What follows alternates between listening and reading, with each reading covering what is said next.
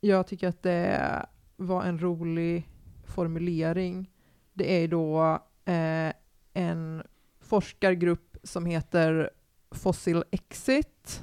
Eh, forskargruppen som Pao Yu Wei leder har dragit slutsatsen att det främst är energibolaget RWEs vinstintressen som ligger till grund för beslutet att bryta kol i Lützerath. Ja. Hör och häpna. Vilken, vilken chock! Ja. Ja.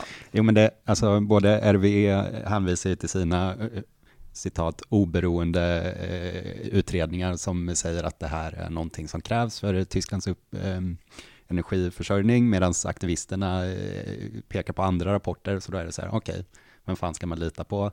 Men ja, När vet inte. DN säger hur det är, då, då Exakt, vet man. när, precis, när DN står på team eh, socialism så, Ja, det står ju också i DN att eh, det står ord mot ord för Mm. RWE mm, eh, säger att slutsatsen är felaktig. mm. Mm.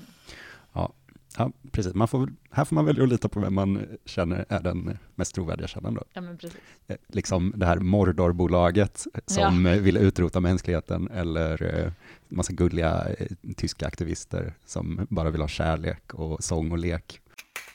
Hej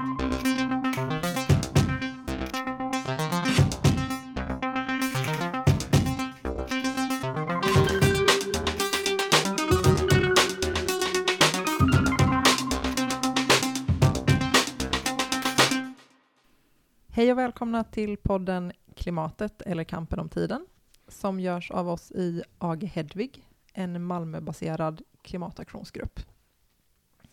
Jag heter Karo. Det här är min poddpremiär. Ja, Wow. välkommen. Välkommen. Tack. Vad heter ni? Jag heter AK. Det är Ja. inte min poddpremiär. Vi är här med dig också, Erik. Yes.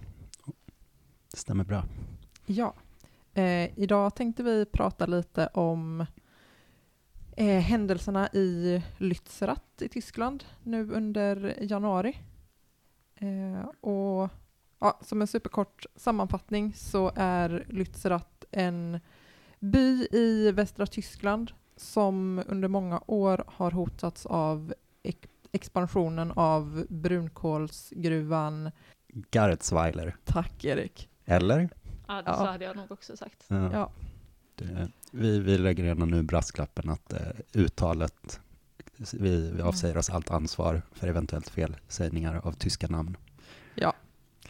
Men brunkolsgruvan som eh, ja, nu eh, kommer expandera utöver Lützerath.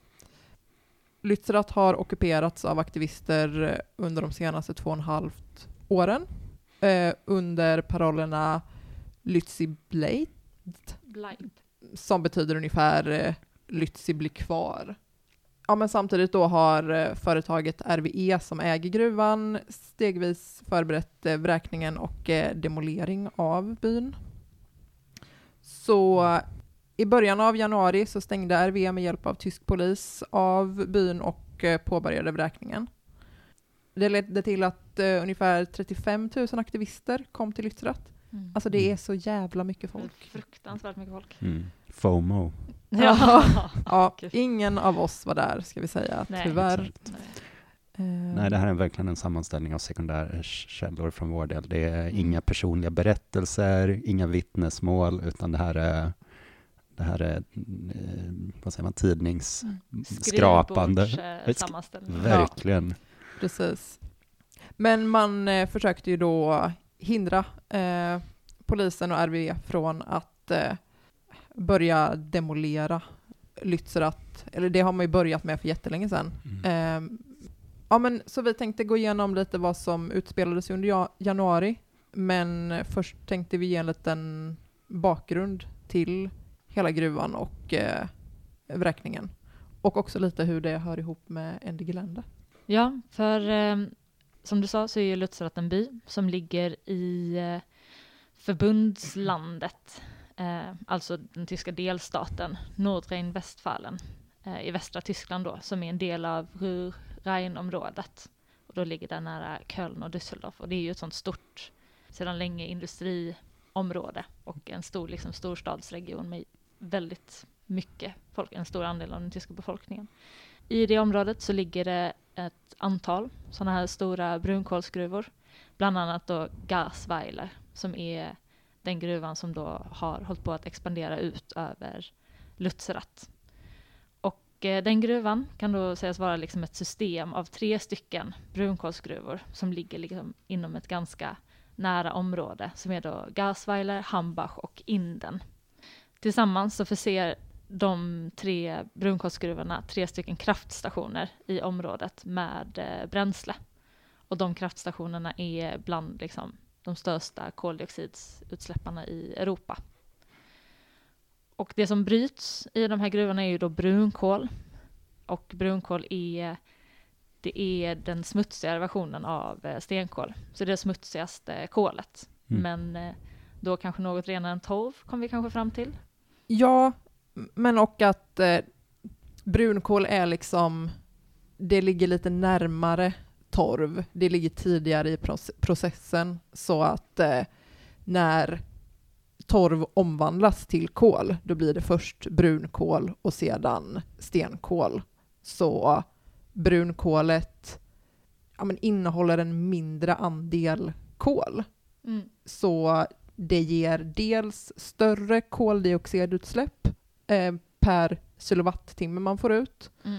och eh, dessutom mer andra föroreningar, innehåller mer svavel och Mm. ja, annat också. Mm. Precis. Så att man måste både liksom förbränna mer och när man förbränner det så är det också sämre. Mm. Släpper ut mer liksom, eh, kassa luftföroreningsämnen. Och för att det är då det här tidigare stadiet av kol så är det också, det samfaller lätt eh, sönder.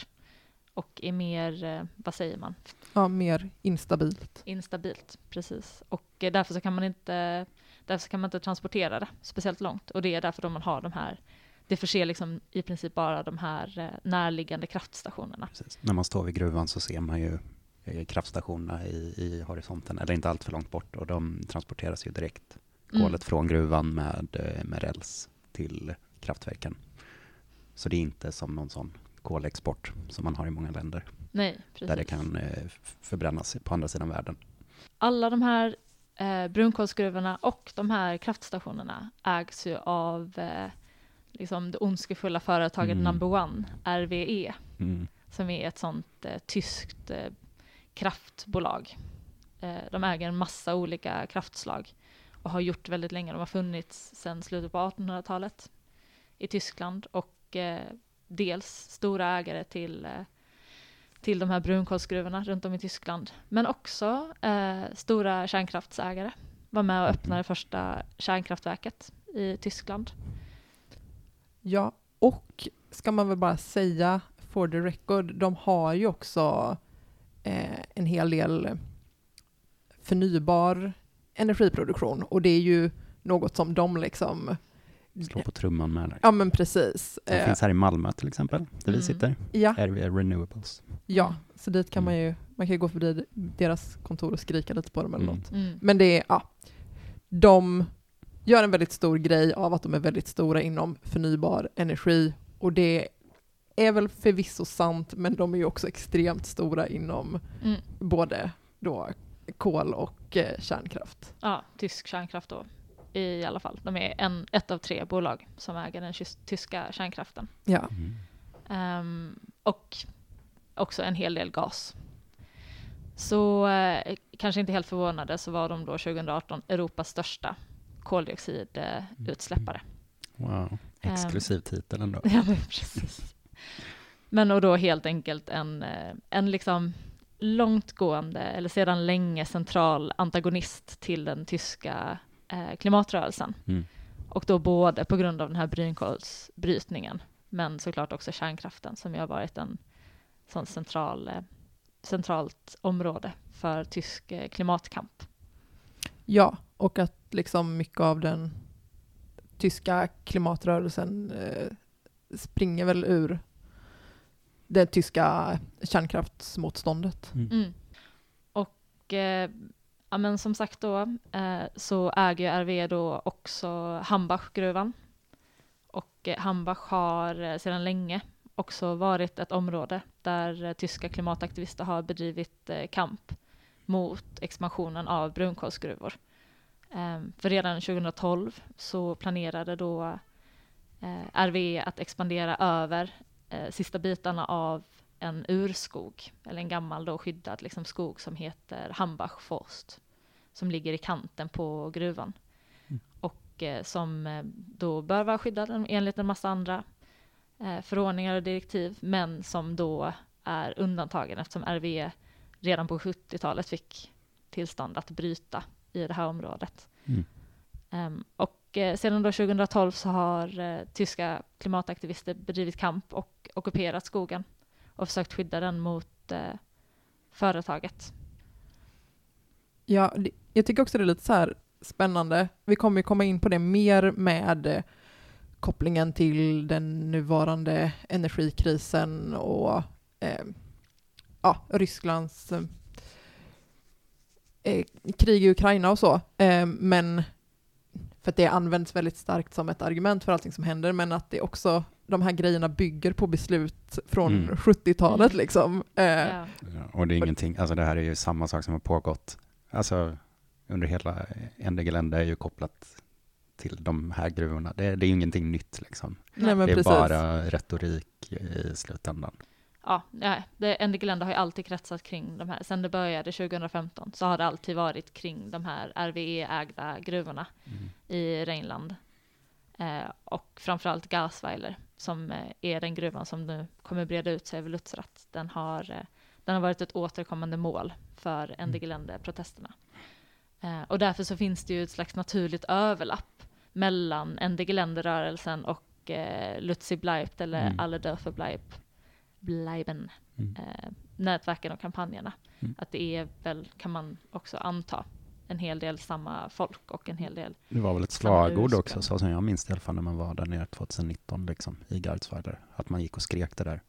Och då kanske man inte riktigt fattade, eller jag var ju ny då, så jag fattade väl Mm. kanske inte riktigt hur, hur stor rörelsen var liksom, men jag Nej. minns att man gick och skrek det i alla fall.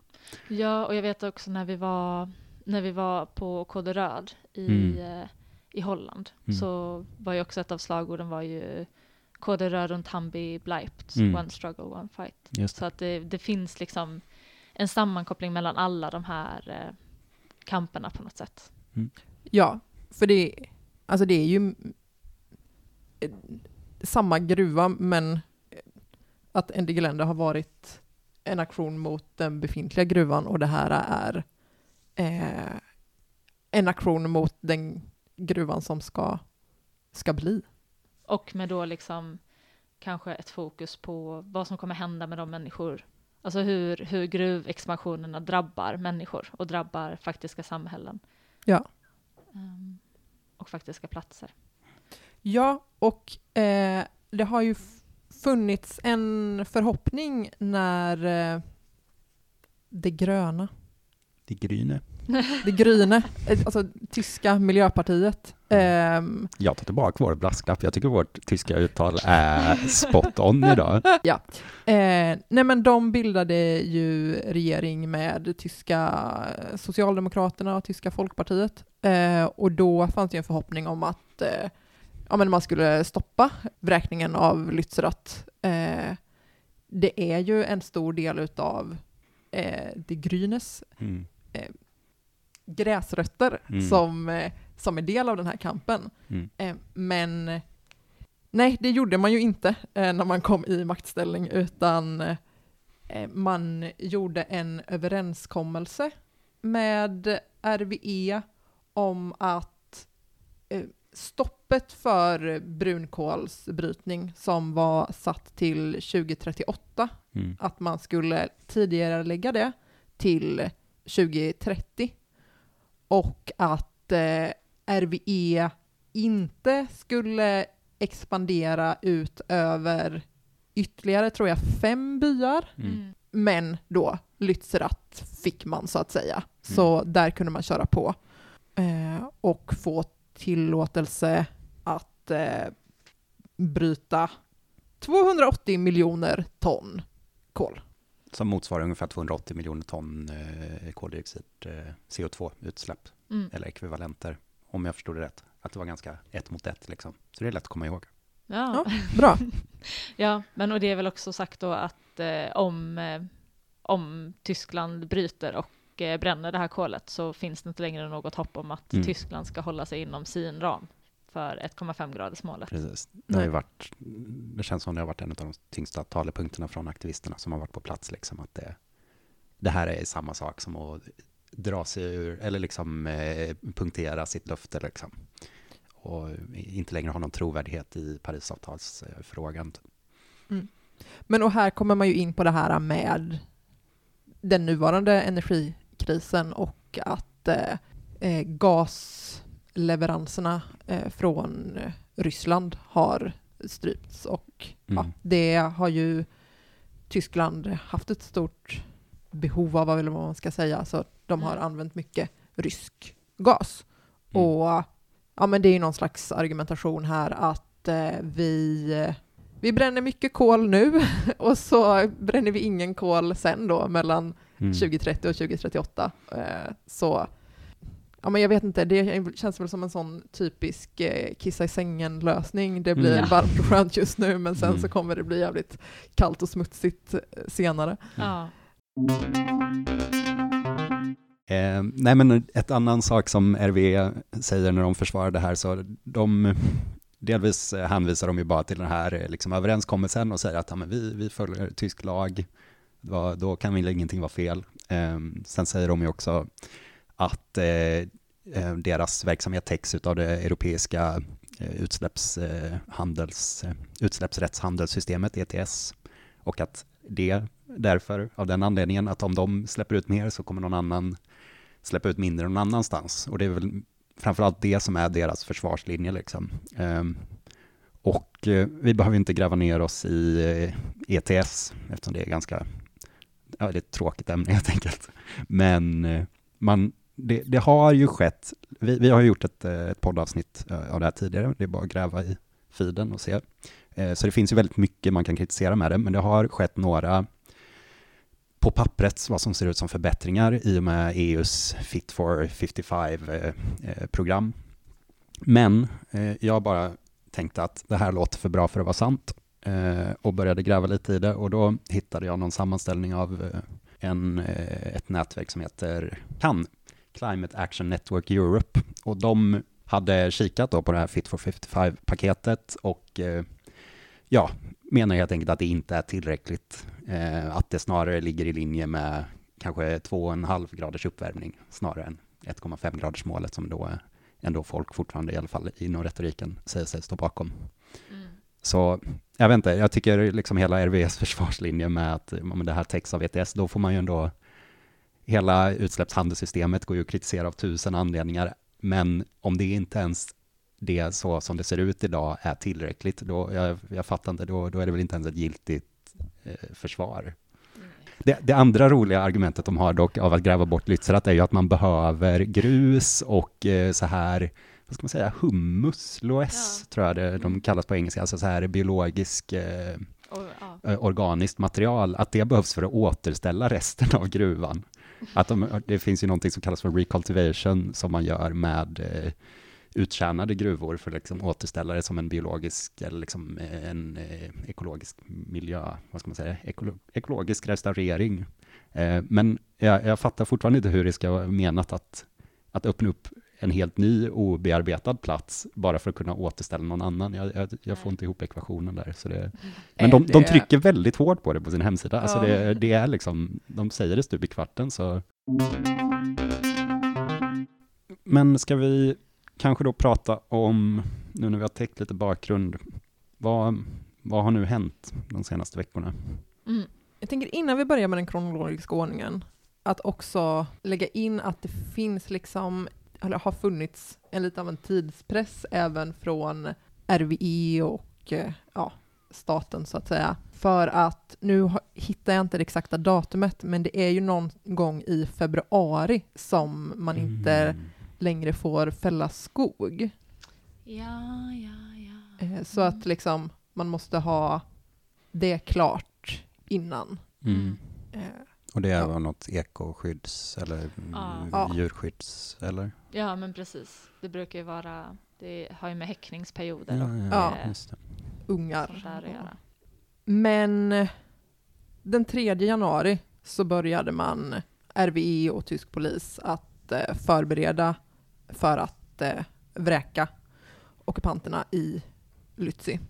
Strategin från aktivisterna har ju varit, men sen slutet av förra året, att så här, försöka få in så mycket aktivister som möjligt i lägren i Lützerath och liksom att förstärka ockupationen så mycket det har gått. Och från den tredje så fick man inte längre komma in med bil och alla som kom in började kontrolleras ID-kontroller och så, men man kunde fortfarande komma in till fots så att då, man jobbade fortfarande på att fylla på med folk. Mm. Och man har ju pratat eh, länge, alltså jag, min känsla är att åtminstone sen i somras Mm. så har, har ju liksom tyska aktivister varit så här, nu, kommer vi, nu vet vi att de snart kommer börja försöka röja Mm. eh, Ja.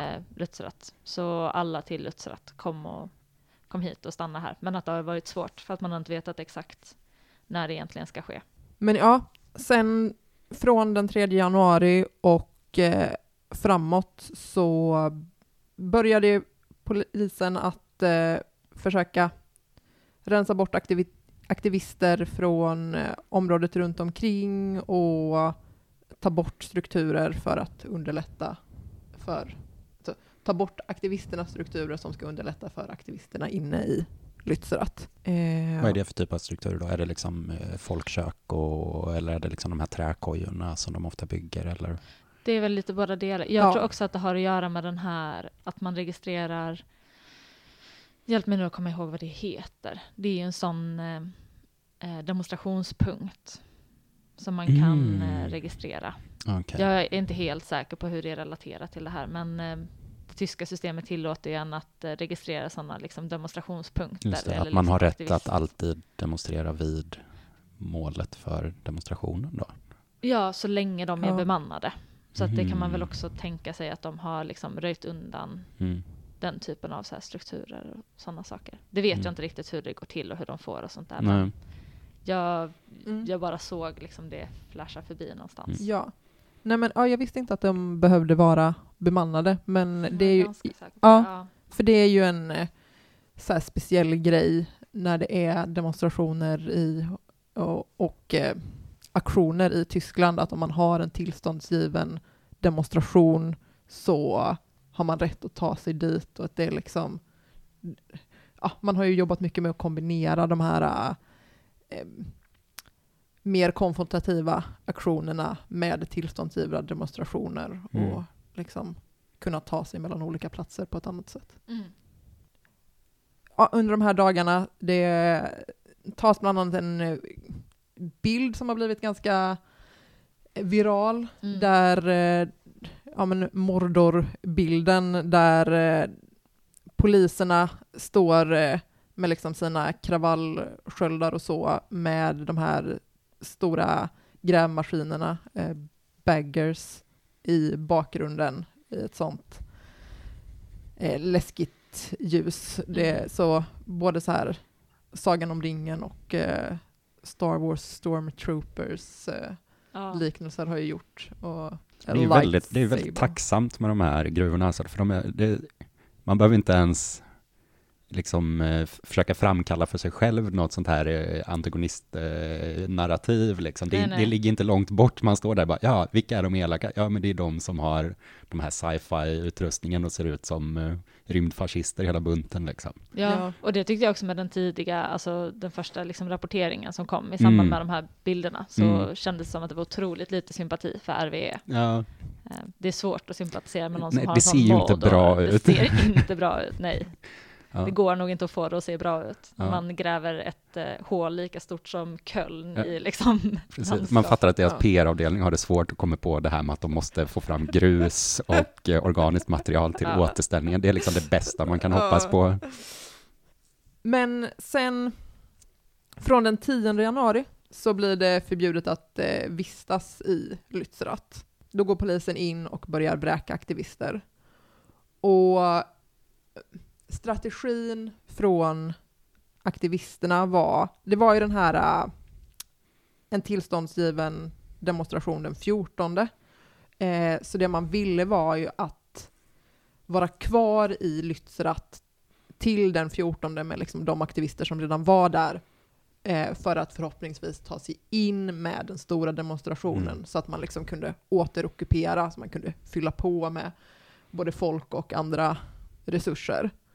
Och ja, men i början av det här så när polisen eskalerar att det blir en del mer militanta motståndsaktioner, barrikader, som man också, också brinnande barrikader och folk som kastar saker, några molotovs och sten och så vidare. En polisbil som blir uppbränd. Mm. Eh, Och nej. Mm. Ja, snyggt.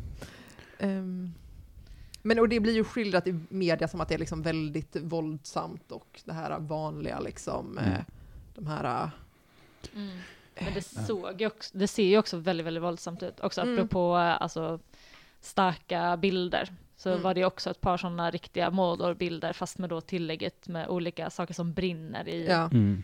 i förgrunden. Liksom. Så, ja. Mm. Men det skildras väl väldigt mycket som att det är alltså att poliserna skadas. Ja. Och att eh, poliserna tar stryk från de här våldsamma aktivisterna. Ja, precis. Det är väldigt mycket rapportering om hur många poliser som har skadats, men inte en enda om hur många, eller det är 70 poliser har skadats. Eh, aktivisterna hävdar att Ja. de också har fått, men det är aldrig några siffror på det. Liksom. Det, är aldrig, det kommer aldrig in det här med att man... Alltså, alltså i aktivistkanaler rapporteras det då istället om eh, aktivister som får så br- brutala slag mot huvudet att de måste föras bort med ambulans, helikopter. Liksom. Alltså, Ja.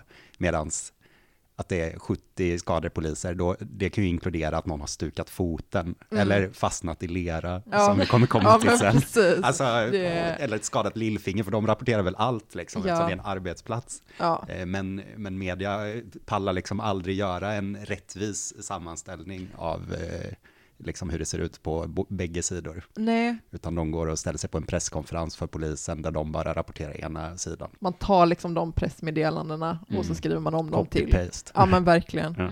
Mm. Eh, Ja, men, eh, men att det då blev en väldigt så här, att det kanske blev en liten eh, ny sån diskussion. Eller jag vet att vi hade liksom en sån diskussion mellan oss. ja. Typ för eller emot stenkastning i Lützerath. Mm. Var det en bra eller en dålig grej? Och ja, men det finns väl olika aspekter där. Dels så kan man ju fundera på den rent taktiska aspekten. Så eh, från mediateckningen och också så här eskalerar det här polisvåldet. Eh, men vi landar väl i att ja, men hade det inte, det hittar de alltid i Mm. media. Det, antingen så rapporterar de att eh, aktivisterna är galna eh, black bloc-terrorister eller så rapporterar de inget alls liksom. Mm. Ehm, men också att det, Att de kunde hålla ut så länge som de gjorde kan ju ha berott också på att det blev en eskalering även från aktivisternas sida Ja. som gjorde att polisen var tvungen att ta två steg tillbaks Ja. och eh, omvärdera situationen. Och det, om man nu Mm. tänker att man hade målet att hålla ut till den 14. mm, precis. Ja. Det, eh, och jag tänker också, jag tror att det var du AK som sa det, att så här, ja, men man har fan suttit där i två och ett halvt år Mm. liksom. Mm. Någonstans, Mm. någonstans når man vägs ände och Mm. man kommer ta till fan allt man har. Mm. Mm. Och det blir också så jättekonstig, moraliserande. Det, jag tänker att man kan ha den diskussionen i en rörelse och i en aktion så här, vad är smartast att göra? Vilka taktiker Mm. borde vi använda just nu, just här? Men det är, ju- man kan inte riktigt ha en åsikt om så här vad någon som har kämpat för någonting i två och ett halvt år gör när polisen kommer och ska liksom gräva bort ens hem. Men jag tycker också att det, alltså, de mer liksom våldsamma eh, motståndshandlingarna, de, eh, de är ju bara en del av motståndshandlingarna. Mm.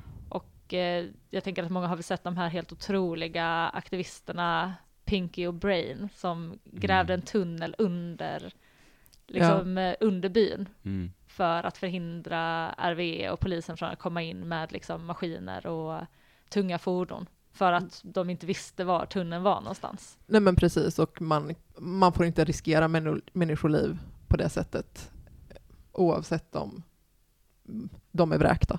Ja, nej, så att det var bara två helt otroliga, men så här, vad jag förstod, ganska unga tyskar som grävde liksom en tunnel under staden, Mm. eh, eller under byn, kröp in där, betongade, cementerade igen ingången ganska ordentligt Mm. så att polisen inte skulle kunna komma in med eh, sin utrustning. Och sen så gjorde de någon slags lock-in inne i den här tunneln. Det är ambitiöst. Det är fruktansvärt ambitiöst. Det är Mm. också, alltså, ja, det är ju en väldigt extrem metod Mm. Som är svår att förstå när man kanske inte själv har liksom deltagit Mm. Mm. i aktionen. Men eh, den är ju både, den, är ju, den, har, den har ju den perfekta kombinationen av eh, otroligt militant och eh, icke-våldsam. Mm. Ja.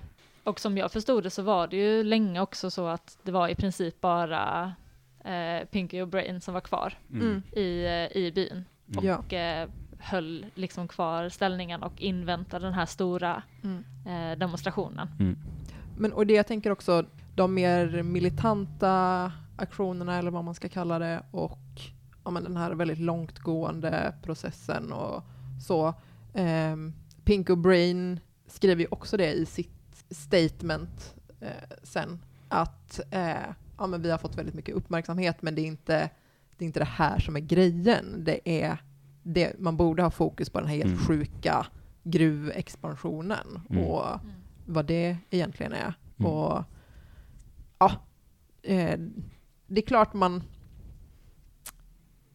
det drar ens uppmärksamhet, jag menar även Ja. vår, men eh, det man får inte glömma hela, hela den här långa processen och Mm. vad det handlar om egentligen. Mm. Ja, och hur många människor som har bott liksom då Ja. Mm. två, och en halv, två och ett halvt år i en eh, by som bara haft mindre och mindre liksom, infrastruktur och resurser. Mm. Mm. Men då den 14, som sagt, omkring 35 000 aktivister som försöker ta sig in i Lützerath. Mm. Det börjar väl som en laglig demonstration då, Ja, Mm. som vanligt, som vi nämnde tidigare. ja, men man lyckas aldrig ta sig in i Lützerath. Precis, för det är omgärdat av poliser Ja. som gör någon slags kettle Ja. kring byn. Och man blockerar då andra strukturer och, som grävaren i den befintliga gruvan och tågspår där kolet fraktas och så. Ehm, de här underbara bilderna på allas vår älskade Greta Thunberg, Mm. det är också från i samband med det här. Mm. Precis, hon eh. var inte inne i byn. Liksom. Nej, nej, de precis. Aldrig, nej, Nej. de kom aldrig in. Utan hon deltog i den. Ja. man tar sig inte in i byn och eh, återockuperar den, så att säga. Och det gör också att de aktivisterna som finns kvar, de är, Ska vi förklara vad en trädkojaaktivist är för någonting? ja, eh, Nej men du tänker på, eh, alltså, Ja, men det som metod liksom, om man eh, inte känner till det. Jag, antar, jag tänker på det som en, alltså att jag främst har sett det då i Hambach, men Mm. jag tänker att det säkert finns på väldigt många olika Mm. ställen. Mm. Att eh, strategin är liksom att bygga trädkojor eh, väldigt högt upp, Mm. så att polisen ska ha svårt att eh, komma upp och plocka ner den. De, också de så får att inte de bara fälla trädet med personer Nej, i, liksom, nej, utan de måste precis. först demolera, få ner personen, demolera byggnaden. Liksom. precis, Precis. det är lite samma som tunnelmetoden, Ja, att eh, om det sitter en människa där så kan du inte bara köra över det eller hugga ner det eller så. så. Nej. Du, du måste plocka undan dem på ett mm. säkert sätt. Precis. Om man bryter någons arm så kanske man inte bryter, men man kan inte gärna ha ihjäl någon. Mm. Nej, och jag tänker att man ser ofta, eller det tänker jag att man ofta ser liksom på bilder från, både från Endegelände eh, demonstrationen men också mycket nu från eh, Lutzi, att det, man har de här tripodsen. Mm. Ja, Och det är ju samma princip, att man bygger Mm. upp en, en mycket mer tillfällig sån struktur för Mm. att polisen inte ska kunna storma. Mm. Eh, för att då ramlar man ner och slår sig och då är det farligt. ja, man, det jag vill säga är väl liksom den insats som aktivister går in med och sen, Mm. Ja, sen dömer man dem vid minsta lilla liksom slip of character, alltså så Ja. fort någon liksom tappar det och kanske kastar en sten då liksom. Alltså, men det här är människor som utsätter sig för sådana otroliga risker, liksom står emot så mycket våld från en ordningsmakt som är liksom så här eh, tusen miljarder mer i resurser, liksom, har utrustning eh, som inte Mm. ens, eller på en helt annan nivå och så, och så är det ändå massa människor som sitter och dömer de här aktivisterna. Det, Ja, men eh, i alla fall, eh, även om det var då 35 000 aktivister som anslöt till demonstrationen där den 14 så lyckas de inte ta sig in och eh, då tar sig de sista aktivisterna ut. Ja. precis. Och eh, Lutzi går i den månen förlorat. Ja. Mm. ja, men en som har en så här för- förgrund, förgrundsgestalt i det här, uh, Tadzio Müller, som är en så eh, klimat eh, och eh, hbtq-aktivist. Mm. Eh, han var talesperson för Climate Justice Action Mm. eh, för 15 år sedan eller så till Ja. exempel. mm. Eh, Också en jättecentral person i Ende Gelände. Ja, Mm. Precis. Eh, och han har ju då Twitter-rapporterat eh, liksom kontinuerligt från eh, Lützerath också. Han gjorde en ganska bra, tycker jag, slutrapportering eller vad man ska säga, eh, efter då att man inte hade lyckats återinta Lützerath. Eh, jag tänker att vi kan spela upp den. Mm. Hi all, it's 9 a.m., so that's time for Climate at 9. Um, I just wanted to give you kind of a last update. I'm no longer at Lutzerat, I'm in Akelens from the, the battle for Lutzerat. Obviously, we didn't manage to reoccupy the village yesterday, although, this is very important, it is still held by two comrades in a tunnel and a few in tree houses, so Lutzerat has not fallen. Question, of course, as it, the hot phase of the battle is over and now the battle of the story begins. And I would propose two stories that we should take from Lutzrat as a climate movement.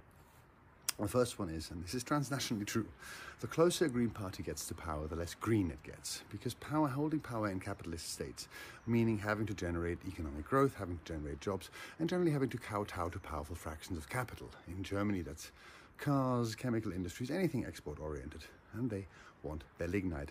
Most importantly, they don't want the plebs, movements, people to sort of have an input in energy policy. So, for those who saw the Greens as a kind of conduit for the climate movement into the political system have been proven wrong. The Greens, just like the Social Democrats in the last century, have fallen to the power of capital and cannot be trusted to fulfill the climate movement goals. Again, this is true transnationally. Secondly, the movement is a force to be reckoned with if it stands together. If we stand together from NGOs, Fridays for Future, to anarchists, to Last Generation, Just Stop Oil, Ende Gelände, Extinction Rebellion, random people who just want to fight for climate justice, if we stand together and do not get divided by debates about militancy or relationship to political parties or the like, if we clarify that we are a movement that fights together for the same goal, even if we use different methods, then we are a force to be reckoned with. The Greens are suffering politically massively right now.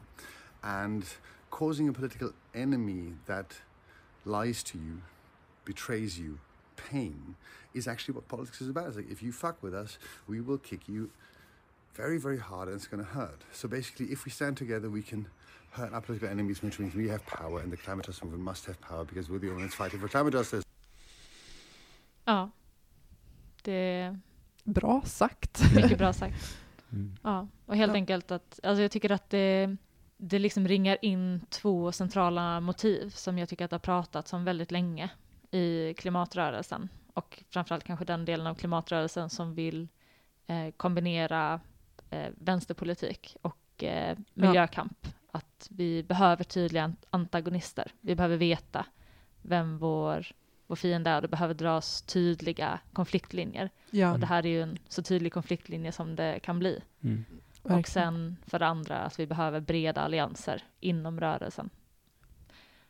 Men eh, tack för att eh, ni lyssnade och eh, tack till Allt åt alla och Solidar för att vi får spela in podd i deras lokal.